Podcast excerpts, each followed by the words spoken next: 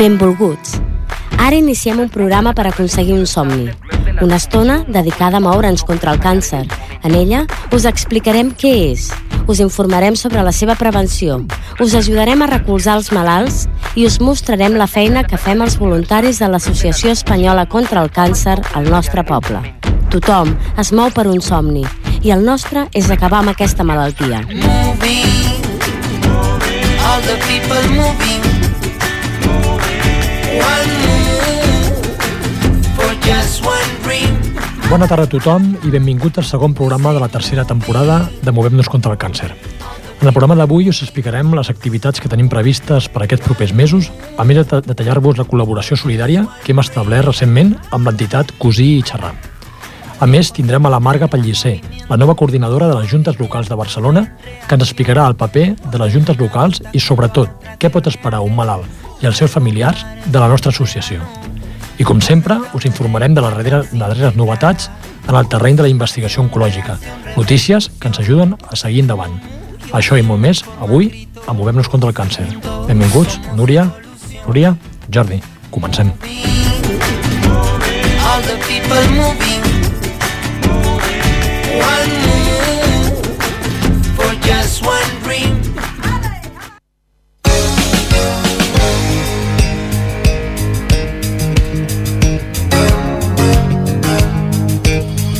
Les activitats. Bé, doncs aquesta part del programa ens agradaria explicar una, bueno, diríem un conveni de col·laboració solidari que hem establert amb, amb Cosí i Xerrar, que ja va començar una miqueta tot plegat el Sant Jordi, el Sant Jordi de l'any anterior, però que aquest conveni ha anat ha anat a més i en els últims mesos, les últimes setmanes, eh, crec que s'està consolidant, oi, Núria? Sí, a veure, com recordem, com has dit tu, Albert, l'any passat per Sant Jordi van ser l'agrupació aquesta de dones que tenen aquí en el centre cultural, tenen un despatxet i s'ajunten per passar l'estona els dimarts al matí i dijous a la tarda, unes horetes, i es dediquen pues, a cosir, a fer coses per elles, després a Sant Jordi també van posar la seva paradeta, i bueno, passant l'estona, mmm, passen l'estoneta parlant, explicant-se cosetes i van elaborant cosetes molt maques. Llavors l'any passat van venir a oferir-nos cosetes per Sant Jordi? que Sant Jordi que les venguéssim i ens van dir que si qualsevol altre moment necessitàvem la seva col·laboració, que estaven allà. Llavors nosaltres portem un temps rumiant què podíem fer i volíem fer uns cors clauers per, per vendre'ls i vam decidir parlar amb elles i bueno, ens vam posar en contacte amb la Maria José, que és la persona més directa que coneixem, no? perquè és amiga nostra fora d'aquí i, i bueno, ho va exposar a les dones i de seguida, bueno, per la nit ens van contestar dient que sí, que sí, que el que fes falta que, que elles encantades de, de col·laborar amb nosaltres. Llavors vam anar a comprar la roba i li vam portar els patrons la setmana passada i bueno, ja, ja estan en ello allà treballant per, per elaborar aquests cors que vendrem quan posem les parades de recaptació. O sigui, i... no únicament les podem vendre a Sant Jordi, sinó qualsevol, si al febrer fem una activitat o qualsevol Sí, moment. està pensat en principi per, per febrer. Mm. -hmm. Suposo que ja els tindrem acabats. De moment li hem portat una bona quantitat per fer i no sé si els hi portarem més cosetes Jo per, crec que sí. per Perquè en fer. principi es podria explicar aquests cors com són o com estan fets. Bueno, són uns cors mm, no massa grans, Albert, pensat per, per, per dintre del bolso, tipus clauer, que després si una persona no el vol per clauer també el pot penjar en els foms dels armaris, que també queden molt xulos. Però com que el cor és un, és un símbol d'esperança, no? doncs la Núria i així parlant eh, va dir, ostres, per què no fem uns cors que, que el cor és un bon símbol i pensant què podem fer, què podem fer, va sortir el cor. Després, a part d'aquesta agrupació que és Cosí Xerrar, també hi ha senyores que s'han volgut col·laborar amb aquesta iniciativa. Una és la Lourdes, que és la mare de l'Albert, que és el president de l'ACC, el que tenim aquí sentat al costat. Sí, la conec una mica. La coneixes una mica, Jo oi? també. Després tenim a la Maria Jesús, que també és voluntària, que també ens ajudarà a retallar, i també tenim a la sogra de la Núria, Sí, oi, Núria? sí, que també ens ajudarà. Ens ajudarà també una miqueta. I després avui també ens has dit que també hi havia una senyora que A volia... Remedios, sí. Sí.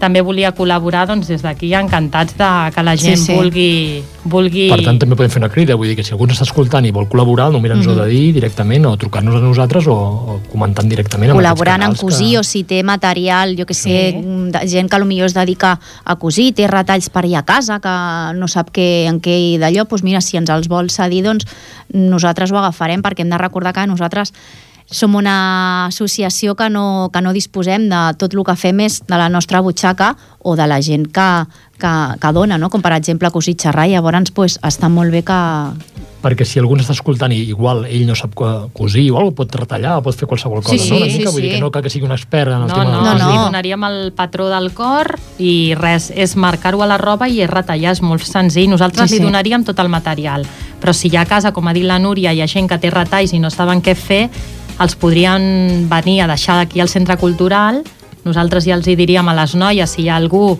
que els pugui recollir i nosaltres, com que els dilluns venim al despatx de 10 a 12 tots els dilluns, doncs eh, els podríem recollir. Mhm. Podríem tenir molt més material.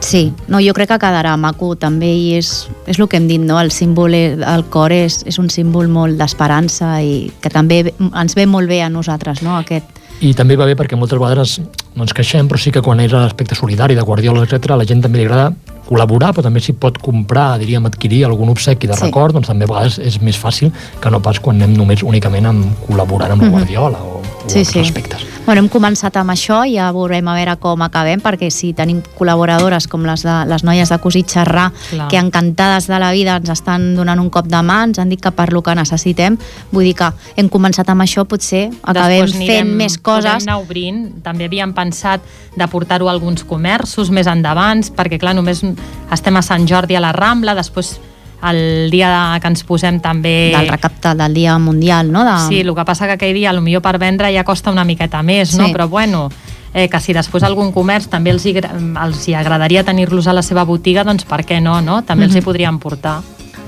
Perfecte, doncs molt bé, jo crec que aquí és, és una, una faceta important que estem fent aquí en aquesta temporada nova de l'associació. I res, com he comentat abans, doncs animar-vos a tothom qui vulgui col·laborar, com sempre tenim el telèfon en directe del 93 594 2164, repeteixo, el 93 594 2164 i qui vulgui trucar i parlar-nos i consultar qualsevol cosa, doncs, eh, doncs aquí estem. Perfecte, doncs fins aquí aquesta secció de les activitats.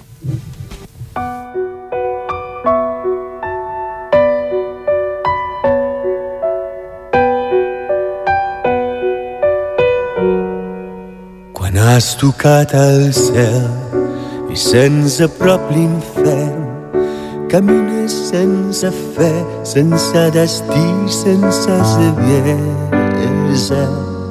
Fugint del que no entens, fugint d'aquest present, pensant aquells anells és l'única forma que tens de continuar. Tornarem a ser grans i tornarem quan sortim d'aquesta tempesta que amaguem rere rostre indiferent. Però cou i ens fa sentir que hi tornarem? Trencar aquest desencert. Comença en un mateix.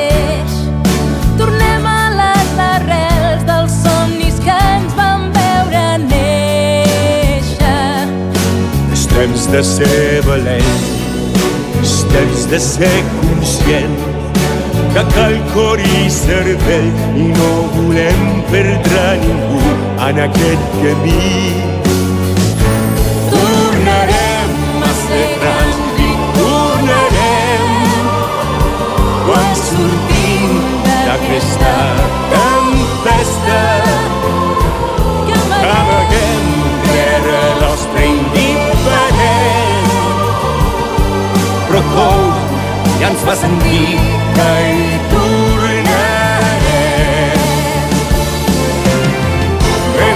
Hi ha, rere els núvols hi ha un sol tan gran que mai ningú no podrà amagar. Rere els dubtes hi ha, rere els dubtes hi ha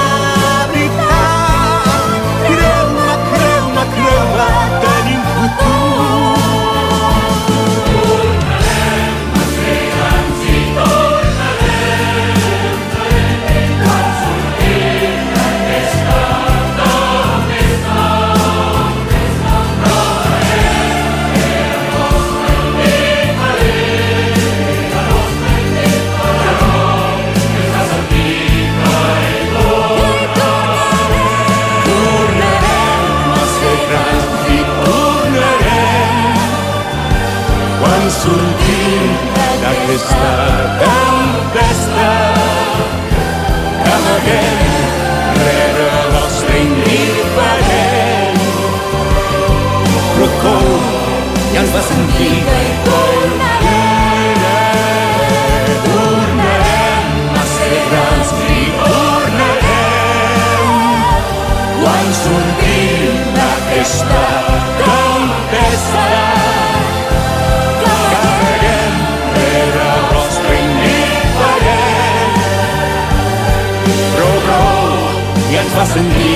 que hi tornarem.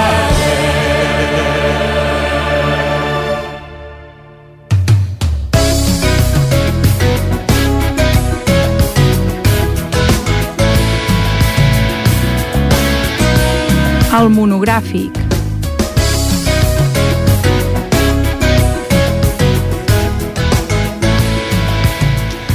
Nous estudis per impulsar la detecció del càncer de pulmó i reduir la seva mortalitat en un 20%. El càncer de pulmó és el tercer en casos en Espanya, per darrere del càncer de colon i de prostata. Però és més diferència el que més morts causa. Més de 20.000 a l'any, segons les dades de la Societat Espanyola d'Oncologia Mèdica. La seva taxa de curació està només entre el 12 i el 15%. Investigadors americans proposen millorar aquestes xifres gràcies a una prova de detecció precoç com la tomografia de baixa intensitat, que consisteix en un TAC o una radiografia del tòrax. Aquesta tècnica es podria utilitzar en persones de risc, aquelles que han fumat l'equivalent a un paquet de tabac diari durant 30 anys. La seva taxa de mortalitat al detectar ràpidament el càncer es reduiria en un 20%.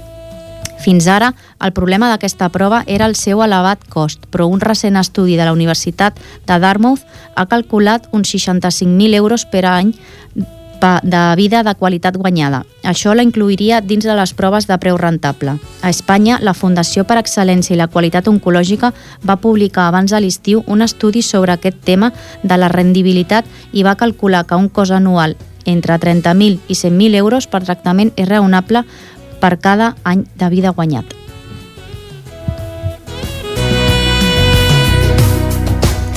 Es triplica a Girona en els últims sis anys la supervivència dels pacients amb tumors cerebrals. En aquest temps, el Comitè Oncològic de l'Hospital Trueta i l'Institut Català d'Oncologia han treballat per introduir millores en el diagnòstic de la imatge, en cirurgia i en el seu tractament. L'Institut Català de la Salut ha informat que els pacients amb diagnòstics severs que fa sis anys tenien una supervivència del 6% han vist com aquesta xifra augmentava fins al 20%, segons dades del Registre del Càncer de Girona. El Comitè Oncològic acaba de complir 10 anys i està consolidat amb un espai d'intercanvi de coneixement.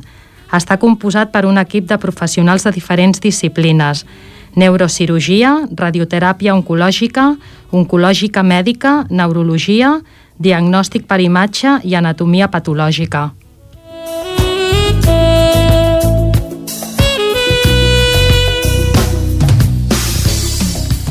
L'Associació Espanyola contra el Càncer també ha participat en la 14a Setmana de la Ciència organitzant conferències, taules rodones i debats sobre diferents aspectes relacionats amb el càncer. L'objectiu d'aquestes activitats ha estat fomentar la participació ciutadana en qüestions relacionades amb la ciència i la tecnologia, a més d'impulsar la divulgació científica. Alguns dels temes tractats han estat la medicina personalitzada en els casos de càncer, el paper clau dels patològics o el paper dels voluntaris en la lluita contra el càncer. També es va oferir una visió més profunda del càncer de pròstata amb una conferència on es van resoldre dubtes en relació a aspectes com la prevenció, el diagnòstic o els tractaments d'una forma senzilla i propera. Del 14 al 23 de novembre s'ha celebrat a Catalunya la 19a Setmana de la Ciència, amb moltes activitats de divulgació científica coordinades per la seva Fundació Catalana per a la Recerca i la Innovació. En el marc d'aquesta setmana, els instituts de Ripollet van celebrar el Dia de la Ciència 2014, amb una conferència sobre el càncer. Uns 300 alumnes i professors dels instituts Lluís Companys, Camp Mas, Palau Ausit i del Col·legi Sant Graviel van assistir el passat 19 de novembre a la conferència Angelina Jolie, Genètica i Càncer. a càrrec del professor del Departament de Cirurgia de la Universitat Autònoma de Barcelona, Ignacio Blanco, i que es va realitzar al Teatre Auditori d'aquí de Ripollet. La xerrada va estar centrada en el cas de l'actriu Angelina Jolie, que es va extirpar els dos pits per evitar el seu risc genètic a desenvolupar un càncer de mama. La seva decisió va augmentar l'interès de la població per conèixer més sobre la predisposició hereditària del càncer. Una cèl·lula normal pot adquirir les característiques d'un càncer perquè s'acumulen alteracions o mutacions en els seus gens. En un 90 o 95 dels casos es tracta de càncer esporàdics originats per diferents factors com el tabac, la contaminació, una dieta incorrecta o a l'atzar.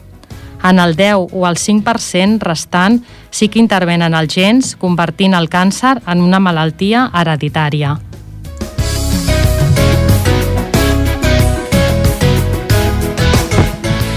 Bé, uh, ja hem vist que tota aquesta sèrie de notícies que hem connectat avui, sobretot voldria fer una, una mica de comentaris.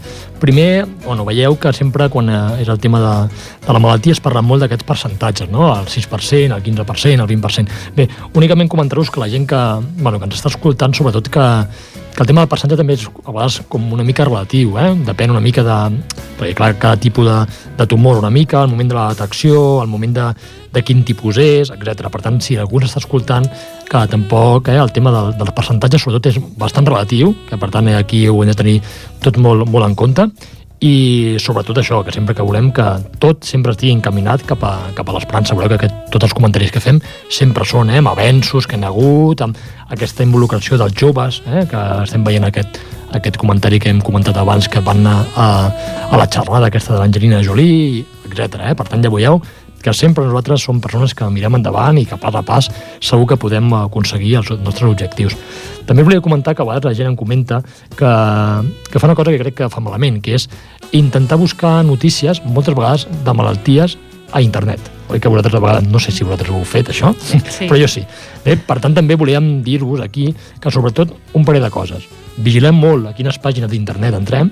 Perquè sí que hi ha algunes que, si entren, poden entrar a ASC nostra, nostra, de l'associació, veureu que aquí és una pàgina seriosa i tal, però vigilem a entrar blogs de gent que escriu, blogs que parlen de, de, de que d'aquests eh, miracles eh, que es curen eh, prenent alguna, etc. doncs vigilem perquè a vegades pot ser perillós i sobretot quan ho fem contrastem i si pot ser el millor internet que podem visitar és el nostre metge. Mm? Per tant, vigilem una mica una mica, oi, esteu crec Sí. que, que d'acord Jo ho he amb- fet, eh? Jo a vegades he buscat símptomes, això, l'altre, i a vegades li he comentat al metge i el metge sempre m'ho ha dit. Això no s'ha de buscar a internet, ni se t'acorreixi.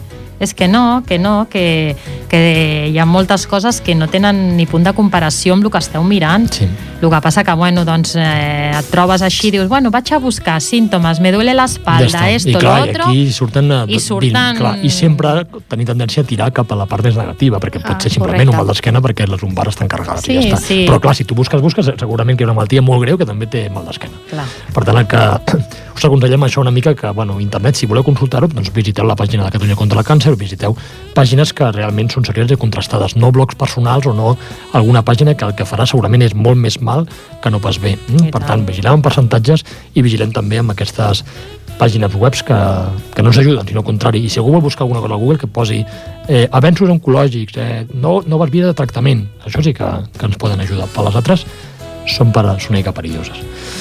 Doncs bé, doncs fins aquí aquesta part de monogràfic i sempre eh, relacionant aquestes notícies esperançadores amb aquest augment de la, de supervivència i res, espero Jo, que... si em Digue- permets digue. una coseta, volia donar Vinga. les gràcies a la Maria Jesús, que encara que no estigui aquí present amb nosaltres, és la que ens fa la feina de buscar les notícies i donar-li les gràcies perquè ens facilita molt la feina. Sí, eh, perquè penseu que la Maria Jesús aquests moments, no, aquest any no està amb nosaltres, però quan li diem ràpidament ens...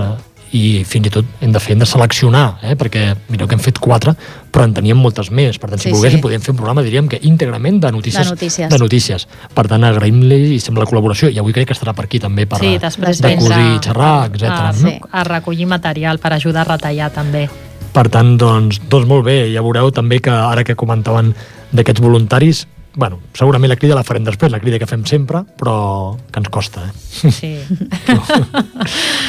bueno, perquè ens costi jo crec que no hem de, de, Jo de rendir-nos, però... No, i penso que tampoc s'ha de forçar ningú. Suposo que la persona que vol ser voluntària ho fa, no? El que a vegades molta gent penso i suposo que és per, per, per intentar justificar no? que penses perquè no hi ha més gent no? que vulgui ser voluntari, potser els hi fa corte o no saben ben bé què s'hi trobaran o aviam si serà molta feina La- sí, i no podré o... Mm, Perquè I la veritat perdona, és que... El que sí que tenim són moltes vegades com, com uns com uns amagos d'entrar, no? Vull dir que hi ha gent que intenta però després pues, no acaba de consolidar-se i sobretot penso que és cert que la gent li fa por el fet de dir, bueno, igual aquesta gent es reuneix cada setmana, tres cops a la setmana, no. o no podré complir. Si són coses... Això sí, hi ha treball, però és treball puntual. Per tant, doncs, aviam si... Res, que si la gent s'ha... Clar, i també hi ha, hi, ha gent, hi ha persones voluntàries que, per exemple, en programa de la ràdio doncs no hi participen, No, no? no, no, no. I és amb, amb el que tu puguis aportar a l'ACC, no significa que tinguis que estar els 365 dies de l'any o totes les setmanes de l'any, els dies que tu puguis, i jo suposo que, que és un treball gratificant, que, que, que et dona doncs, esperança, et dona et Satisfacció, dona vida, no? sí, sí, sí, sí, I sí. penso doncs, que és molt maco de fer-ho i des d'aquí doncs, sempre ho diem, que si algú ens està escoltant i li agradaria compartir doncs, aquesta experiència amb nosaltres, doncs serà benvinguda. Així mateix. Molt bé, doncs després d'aquesta crida, enèsima crida que fem també en el voluntariat, doncs passem a escoltar una miqueta de música, sempre amb el toc d'esperança.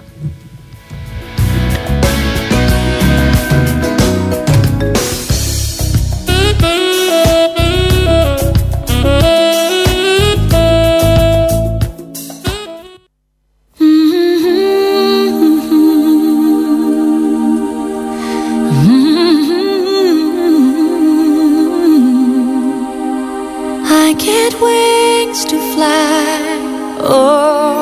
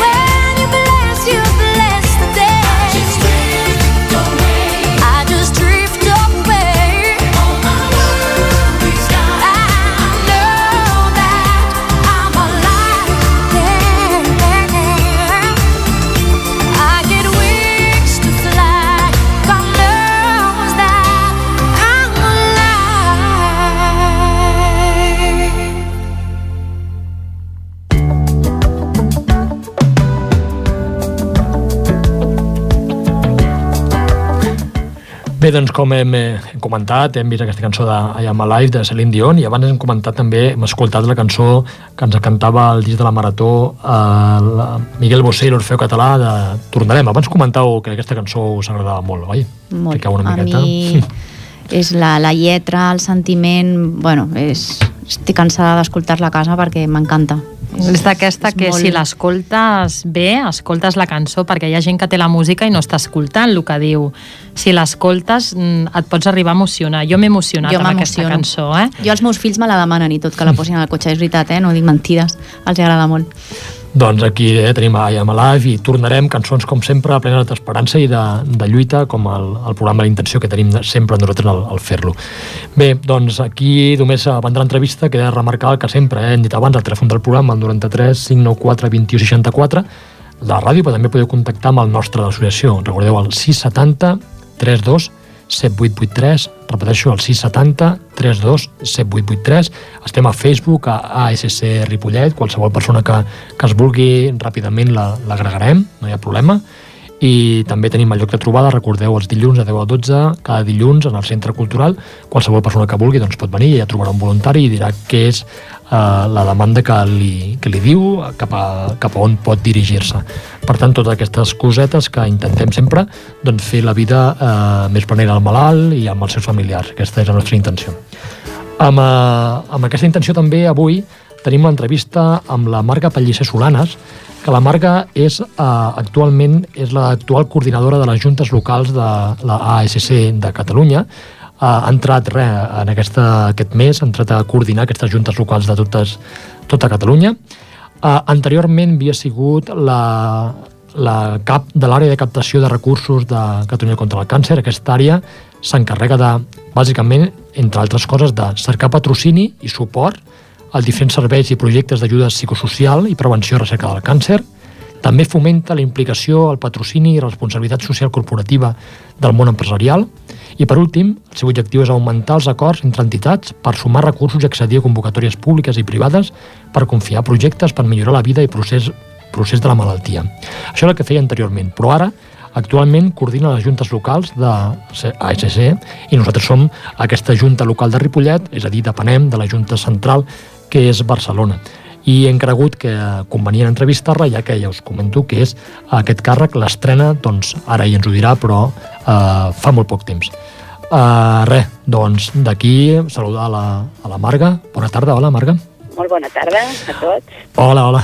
Doncs molt bé, aquí avui les dues Núries i jo, des d'aquí, des de Ripollet, des de la Junta Local, vam, començ, vam, vam parlar i vam considerar adient doncs, fer-te aquesta entrevista perquè considerem, bueno, és important i sobretot pots ajudar a molta gent que ens escolta a fer-ho conèixer i a dir una mica què significa ser de l'Associació Espanyola contra el Càncer.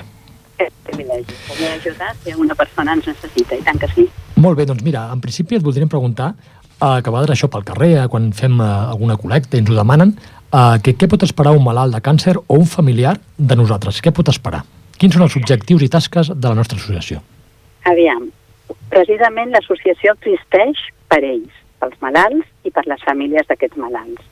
Llavors, tota l'activitat que tenim de captació i tota l'activitat que tenim per poder donar informació des de cada població i, per tant, des de tots aquests voluntaris que configureu les juntes locals, precisament l'objectiu primer, la missió que té la nostra associació des del dia que es va crear i, i això perdura, és la ajuda totalment gratuïta a una persona en el procés d'un càncer o, o que hagi estat diagnosticada o que en el procés de tot el càncer pugui tindre alguna necessitat concreta, sobretot a dos nivells. Necessitats a nivell de suport, de suport psicològic per acceptar, entendre el que s'està vivint, a vegades el malalt i a vegades la família ho requereix. Sí. I també ajudes socials, és a dir, moltes vegades la malaltia irrompeix en una família i desequilibra la situació econòmica mm, de la família. Llavors, per això està l'associació, per poder recolzar en moments mm, puntuals quan la situació de precarietat que una família o un malalt o algú de la, de la seva família arrel de mm, patir un càncer mm, se li, li esdevé un, una situació de precarietat econòmica, l'associació té aquells recursos per poder ajudar-la. Llavors, per això diem que nosaltres eh, donem, estem part d'una ajuda psicològica i també social al malalt i a la família quan estan en una situació en què eh, eh, precisament és això el que necessiten, no? necessiten aquest acompanyament, no sentir-se sol davant de tot el, el tractament i tota la situació que els, a vegades els hi, els hi rompeix a la seva vida i els hi sobta i no saben com, en, com, com acceptar no? aquella nova situació tan dura amb la que tindran que enfrontar-se durant un temps i que, si Déu vol, doncs, podran eh, afrontar-ho i curar-se, no? perquè molts càncers es curen i el càncer, eh, lamentablement no tots, però molts d'ells, eh, gràcies als avanços, es curen. Molt bé, molt bé. Jo crec que queda força clar quines són, és el que, que un malalt, o com has comentat tu, un familiar espera i nosaltres quina resposta li podem donar en aquest cas. Després també volíem comentar una mica de, del tema voluntariat. Nosaltres sempre aquí des de la ràdio estem fent una, una crida eh, constant a, a que la gent s'apunti, la gent vingui, es formi com a voluntari. Però a part del voluntariat que pugui formar part de la Junta Local, quin tipus de voluntariat, voluntariat ofereix l'Associació Companyia contra el Càncer? Doncs efectivament, el voluntariat és molt divers i per això eh, el, que, el primer que es fa a l'associació quan una persona truca o ens envia un correu electrònic que té desig de fer voluntariat en l'àmbit eh, de l'oncologia, en l'àmbit dels pacients i de les persones afectades de càncer, nosaltres el primer que fem és una sessió general. No? Nosaltres tenim unes persones que es responsabilitzen i que tenen molt bé eh, tota la formació de, dels voluntaris i el primer que fan amb una persona que no coneix la nostra entitat és fer una sessió general on s'explica què és l'Associació Espanyola contra el Càncer, què fa, què està portant a terme actualment, quins projectes està portant a terme i com des de la societat civil, persones que tenen aquest desig de solidaritzar-se i d'ajudar, què poden fer. No? Un cop tens aquest coneixement general de l'entitat i saps no, a lo que, lo que la, aquesta entitat fa, llavors és quan eh, es, es treballa quin tipus de voluntariat aquella persona, per les seves característiques, pel seu perfil, pel seu desig, quina, amb quines de totes les necessitats que tenim de voluntariat a les diferents àrees eh, és, és com si encaixés més, no?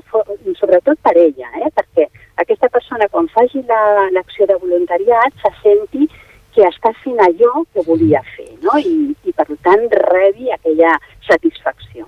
Llavors per això tenim molta cura que aquest voluntari eh, conegui les diferents possibilitats que té, no? Té possibilitats de fer un voluntariat directe amb el pacient. Per tant, pot estar doncs, en un hospital i eh, ajudar i fer companyia, acompanyar perquè no se senti sol, doncs, a malalts que estan en tractament de quimio o en tractament de radioteràpia persones que potser estan soles, que ningú les acompanya. Doncs tenim tots uns voluntaris que estan en els hospitals fent voluntariat hospitalari en aquest àmbit. Després tenim voluntaris que fan un pas més enllà i volen una proximitat més cap a la família i cap a la llar d'aquest pacient, no? I per tant fan un voluntariat a domicili. Hi ha, hi ha aquests tipus de voluntariat que són tan directes. I després també tenim voluntaris que han viscut la malaltia i, per tant, ens anomenem voluntaris testimonials, és a dir, persones que des de la seva vivència poden acompanyar perquè han viscut aquella situació amb una persona quan torna a viure aquella situació, una persona diferent. No? I per tant hi ha aquesta empatia i aquest entendre el que aquell pacient està vivint perquè un ho ha viscut ja. Que passa que tots aquests tipus de voluntariat eh, es té que fer una formació específica i després es té que fer un, un seguiment molt gran, perquè el voluntari eh, en el procés aquest, que a vegades hi ha moments d'usos, doncs tingui molt clar quins són els límits, allò que és correcte que, que digui, allò que no té que dir, allò que pot fer i allò que no pot fer. Per això hi ha una formació continuada, eh? perquè sí. no, es de, no es desanimin, perquè no els afecti el fet d'aquesta proximitat i d'aquest contacte continu amb el, amb el malalt o amb la família. I després també hi ha molts voluntaris que tenim per actes concrets o bé de captació fons, com seria una col·lecta, no? Nosaltres som una, una entitat coneguts perquè demanem la participació a través de demanar un dia de col·lecta a la ciutadania que participi no, en les mesures de les seves possibilitats. I aquí necessitem moltes mans i hi ha moltes persones que col·laboren a aquest nivell, no? a nivell de, de voluntaris, amb dies especials on demanem aquesta ajuda i aquesta contribució per part de la societat. Uh -huh. Després, a vegades, necessitem eh, voluntariat ja més específic per mm, assessorar sobre temes de prevenció amb campanyes que són més de prevenció. Fem una campanya doncs, contra el dia del càncer de mama o a, a nivell de protecció solar per evitar càncers de pell, contra el càncer de colon. Aquí formem a persones precisament en aquestes àrees de la importància de conscienciar-nos tots plegats de la prevenció amb allò que podem fer prevenció per evitar tindre un càncer. I després hi ha molts voluntaris que el que mm, venen a fer a l'associació i, que, i, i que són, jo crec que són persones que ens ajuden moltíssim, dediquen un temps eh, a la setmana, potser un dia a la setmana, unes, unes hores, i venen a ajudar a tota la tasca d'estructura. A, la, a les oficines de l'associació tenim un gran volum de feina i aquests voluntaris ens ajuden moltíssim, no? I, i Per- aquest compromís. sempre. Per tant, Marga, veiem que hi ha com diferents possibilitats de, de voluntariat. Per tant, aquí qualsevol persona que ens escolti diríem una mica que, que té un ventall per triar, sobretot, bàsicament, jo bàsicaria en dos, no? Si és un contacte més directe amb el malalt o, o no tan directe, sinó col·laborant d'una forma més, diríem, més de captació de, de Això fons. Eh? Per tant, I, eh, des, I després hi ha el gran voluntariat que nosaltres diem que són aquells voluntaris que eh, es responsabilitzen no, a nivell d'una població ser els representants en aquella població de l'associació contra el càncer, no? que és precisament el Sí. voluntariat de Junta Local a la que abans feia referència, que Sí. sí. pertanyeixeu vosaltres. Molt bé, després, per tant, una mica tu, si algú ens està escoltant, eh, que nosaltres sempre fem la crida, però tu què diries a algú que ara mateix dubta ser voluntari o no? Com, com l'animaries a formar part d'aquest món? Bé, jo crec que el voluntariat eh, en els darrers anys ha, ha crescut molt a la nostra societat i de fet no és una novetat. No? Jo sempre he dit que el voluntariat és intrínsec a la nostra societat perquè sempre ha hagut aquell veí que ha ajudat en una família en cas de necessitat no? i que ha sigut una persona imprescindible. El voluntariat sempre ha existit, aquestes ganes d'ajudar els altres. No? El que passa que el voluntariat d'una entitat com la nostra és un voluntariat organitzat, un voluntariat que té una formació, que té un seguiment. Llavors, si sents el desig, tu que m'estàs escoltant sents el desig de una petita part del teu temps, encara que estiguis molt enfeinat, vols fer una acció solidària dels altres i que aquesta acció la vols fer potser pensant en que hi ha causes que realment en necessiten mans, no? I una d'aquestes causes és la lluita contra el càncer. I tens un, una estoneta de temps i vols, fer, eh, vols ajudar una altra persona, tots sabem els que hem fet voluntariat molts anys que després això té un retorn molt gran cap a Sí, un mateix. Això no? sé. Sí, I sí, això sí. és molt... Jo no tindria que dir perquè són les coses pels altres, no? Però la veritat és que tens una satisfacció de que has fet alguna que no té preu. No té preu ni ningú te'l demana. Eh? Ho has fet tu lliurement. I això eh, crec que és el valor humà, un dels valors més grans que tenim als primers. Mira, Marga, la Núria, que també tenim aquí entre nosaltres, vol comentar-te també i fer-te una pregunteta. Hola, Marga, bona tarda. Hola, molt bona tarda, Nuri. L'altre dia vam estar parlant per telèfon. Te'n Ja recordes? sé. Sí, me'n recordo, me'n recordo perfectament. Doncs mira, et volia fer una pregunteta. En aquest any de crisi i desconfiança, com podem nosaltres, els voluntaris, donar fiabilitat a la CC?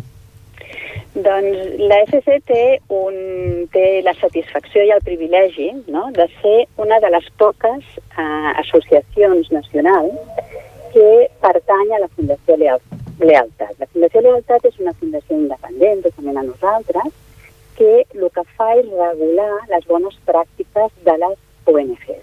Uh -huh. I és molt difícil mm, complir totes les bones pràctiques que la Fundació Lealtat exigeix i la nostra entitat és una de les que compleix totes eh, les pràctiques de transparència i de bones pràctiques amb una ONG.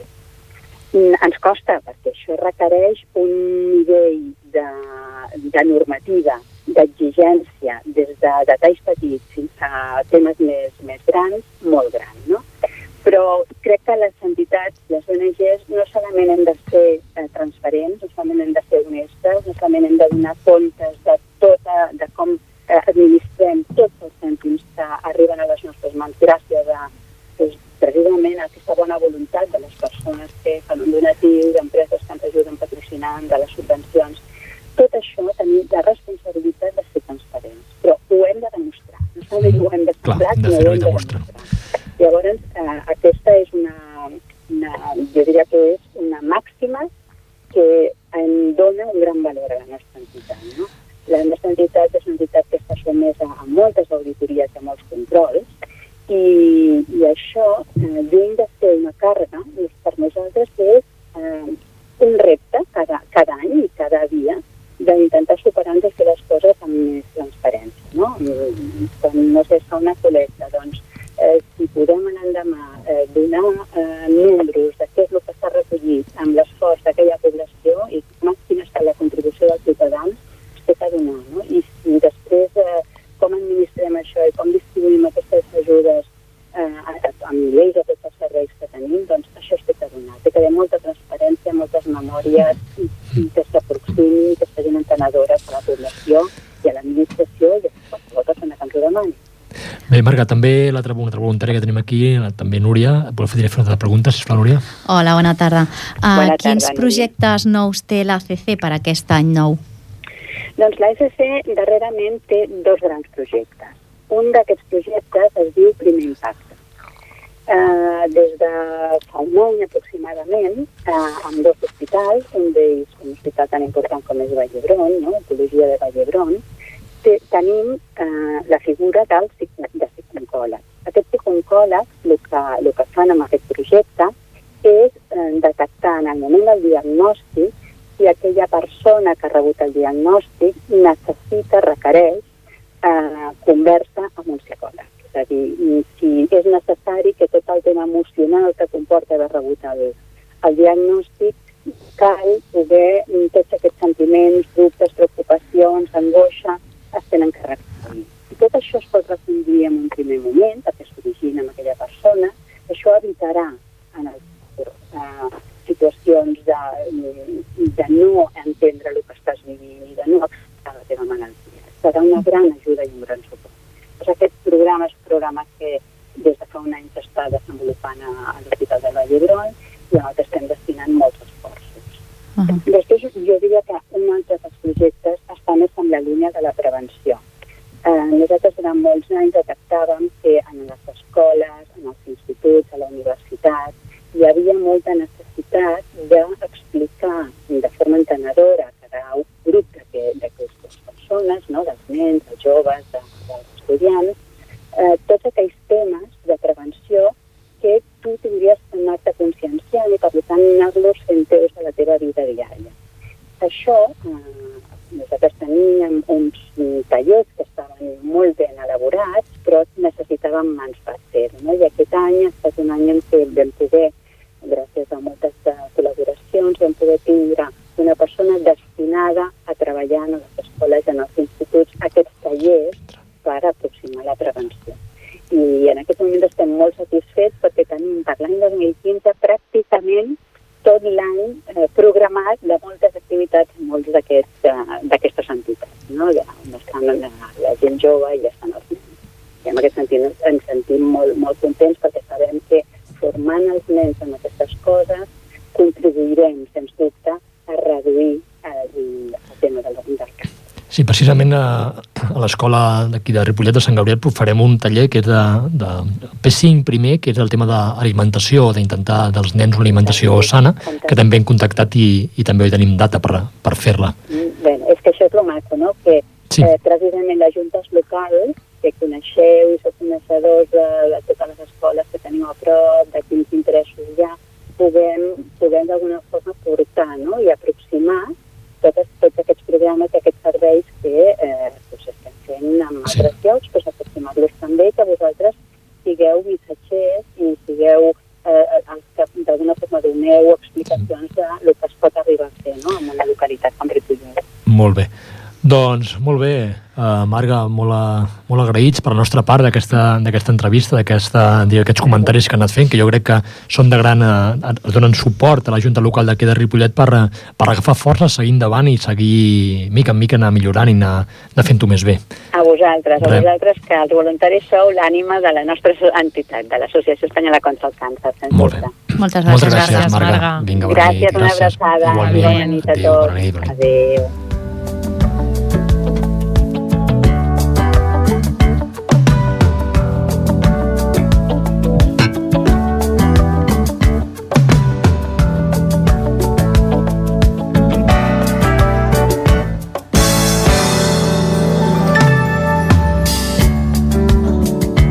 Fins aquí el, el programa d'avui. Eh, res, agrair a la persona que han fet realitat aquest programa i sobretot recordeu també que aquest programa es pot tornar a escoltar el dia el quart diumenge del mes de 2 a 3, es torna a repetir. També ho podeu baixar al podcast d'aquí de Ripollet Ràdio i a ripolletradio.cat també, segur, també el penjarem dintre del nostre, del nostre Facebook i per tant agrair a la Núria i també al Jordi la seva col·laboració, la seva, la seva gran feina com sempre al tècnic de so. Però abans de marxar voldríem avui dedicar aquest programa a dues persones. Doncs en un primer sí. lloc, sisplau, Núria. Amb una volem dedicar-li a l'Enric Centelles un petó molt fort per l'Aurora i també, oi Albert, també li volíem dedicar sí, Avui li volem sí, dedicar a l'Alfonso, eh, que és eh, col·laborador, que col·laborador, va abans ser parlava col·laborador de la Junta Local de, de Barcelona, si no ho dic malament, no? juntament I, abans Sí, juntament Per- havia... Digues, digues. Perdó, perdó, que parlava abans la Marga, que era gent que no va treballar i col·laborar, doncs ell, ell ho era. Sí, sí, li volem dedicar aquest programa perquè sempre ens ha ajudat a nosaltres quan l'hem necessitat, sempre donava viatges a Barcelona a buscar material que necessitàvem, sempre estava pendent i donant-nos ànims i recolzant la nostra feina. We moving, all the people moving. One move for just one dream. Escucha la llamada de mamá tierra, una de la creación. Su palabra es nuestra palabra, su quejío es nuestra voz. Cielo pequeño.